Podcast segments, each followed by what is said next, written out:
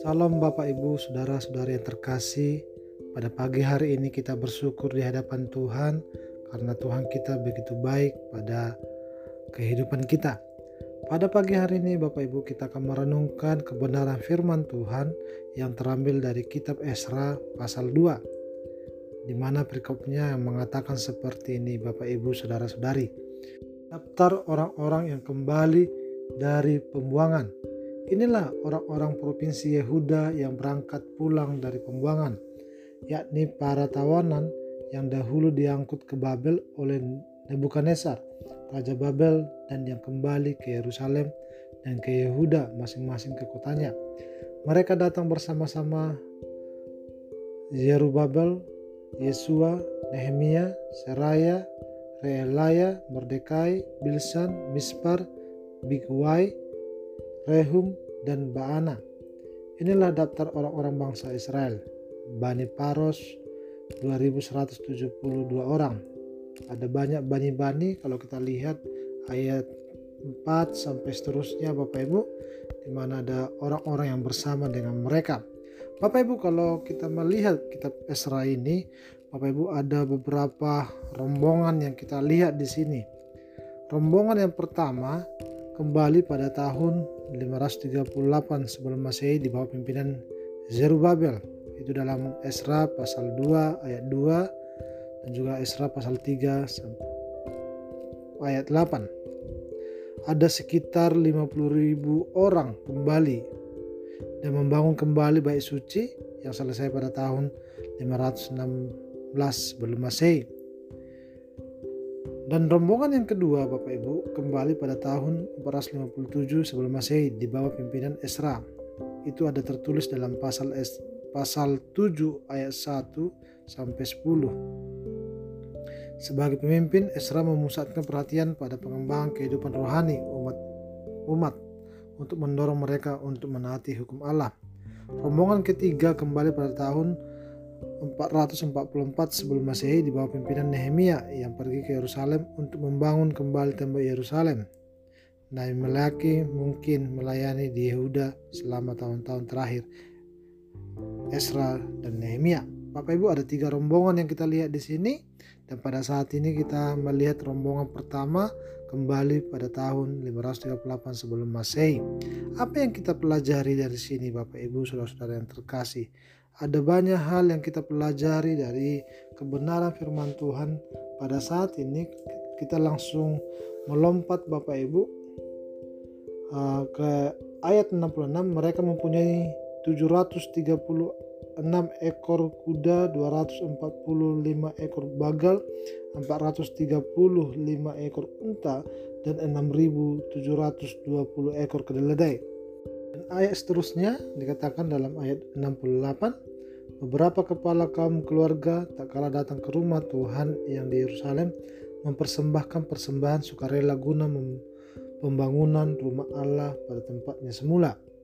Mereka memberi sumbangan sekedar kemampuan mereka untuk perbendaharaan guna pekerjaan itu sebanyak 61 ribu dirham emas, 5 ribu mina perak dan 100 helai kemeja kemeja imam.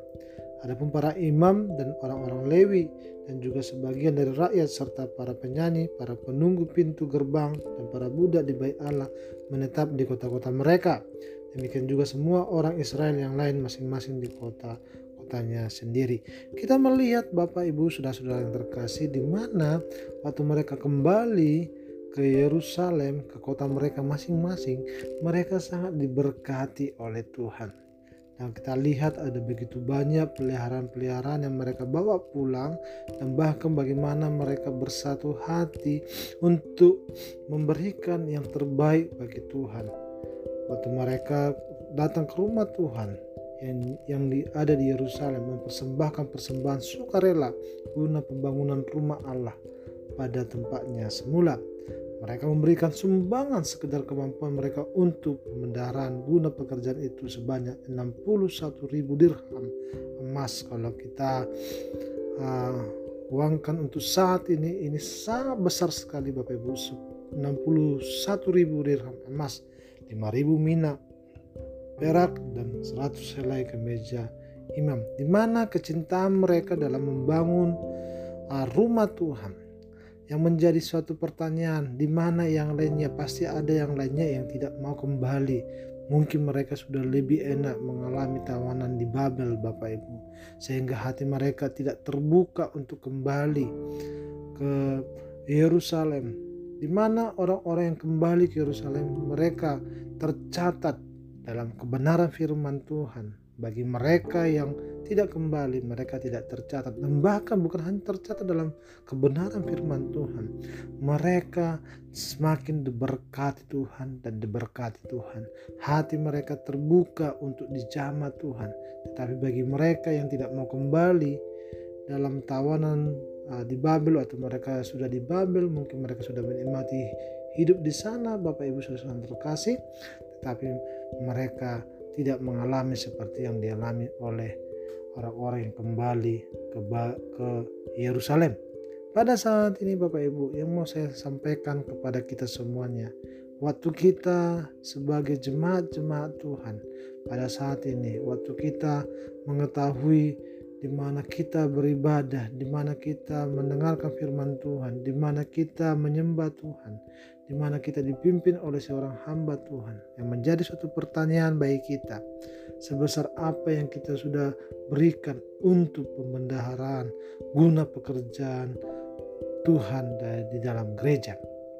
Terkadang dalam hidup ini kita terlalu memakai matematika kita untuk memberikan kepada Tuhan atau kepada gereja. Kita mulai memikir-mikirkan kalau saya kasih segini, apa yang saya dapatkan dari gereja. Bapak Ibu saudara terkasih, saat ini saya katakan di perjanjian lama dalam kitab Esra di mana mereka mengalami tekanan hidup, mereka mengalami tawanan dalam kehidupan mereka, penderitaan yang mereka hadapi waktu mereka kembali dan Tuhan memberkati hidup mereka, mereka tidak lupa dengan apa yang Tuhan berikan dalam kehidupan mereka. Bahkan mereka merencanakan apa yang terbaik yang mereka, yang bisa mereka lakukan untuk pekerjaan Tuhan. Bapak Ibu begitu banyak pekerjaan-pekerjaan Tuhan di dalam pelayanan-pelayanan yang ada seperti uh, di gereja Gesja Anugerah Ministry, di gereja di Gesja Bethesda ada begitu banyak pekerjaan-pekerjaan yang mungkin membutuhkan Bapak Ibu. Salah satu Bapak Ibu yang menjadi proyek untuk Gesja Bethesda di mana ada kerinduan membangun uh, suatu tempat beribadah yang baru dan di mana kita harus bersatu hati bukan hanya uh, berdoa berdoa dan berdoa tetapi secara materi pun kita harus memberikan yang terbaik semampu kita untuk apa guna untuk pekerjaan pelayanan Tuhan. Jangan kita mengabaikan apa yang menjadi tugas kita sebagai orang-orang percaya. Orang-orang percaya memiliki banyak tugas. Untuk apa? Untuk kemuliaan nama Tuhan. Dan saya sangat senang melihat orang-orang yang kembali atau terdaftar nama yang kembali pada saat itu waktu mereka uh, mengalami tekanan hidup tawanan dari pemerintahan Nebukadnezar pada saat itu. Tapi mereka menjadi orang yang percaya, berharap kepada Tuhan sehingga nama mereka tercatat tercatat dalam kebenaran firman Tuhan ada beberapa orang atau bisa dikatakan ada banyak orang waktu mereka mengalami tekanan hidup, mengalami penderitaan dalam kehidupan mereka, mengalami kesusahan-kesusahan.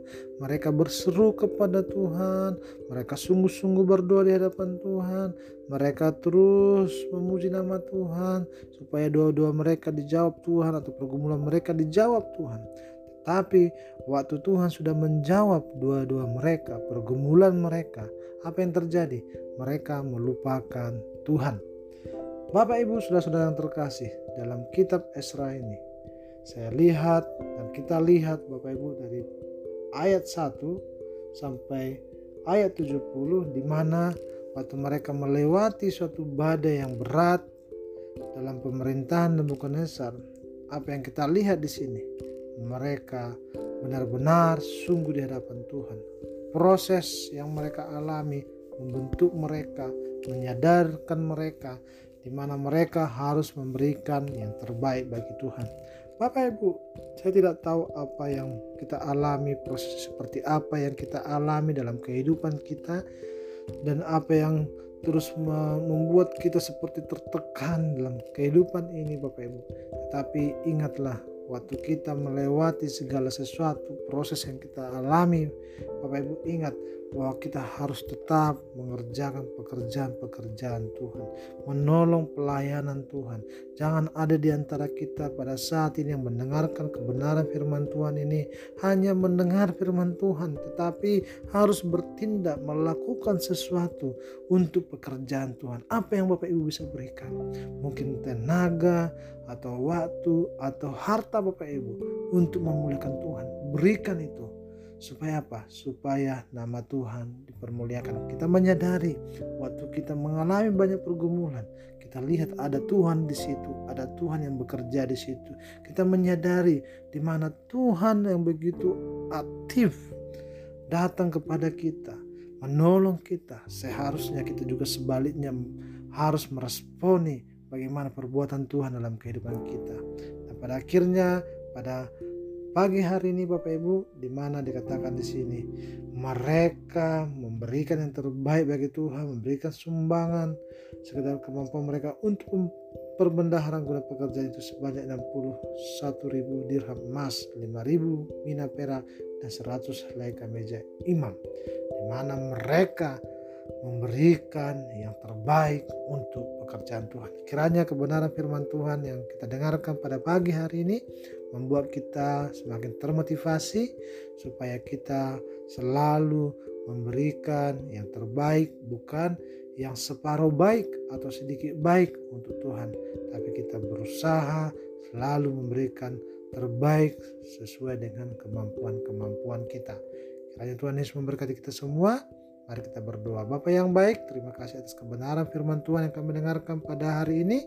Kiranya roh Allah yang menyertai, roh Allah yang memimpin kehidupan kami. Berkati juga Tuhan setiap kami yang bergumul. Mungkin ada mengalami tekanan hidup atau proses hidup. Kiranya Tuhan menolong. Waktu Tuhan menolong mereka, biarlah Tuhan mereka juga menyadari bahwa mereka juga harus memberikan yang terbaik bagi Tuhan untuk pekerjaan Tuhan, memikirkan pelayanan-pelayanan untuk kemuliaan Tuhan.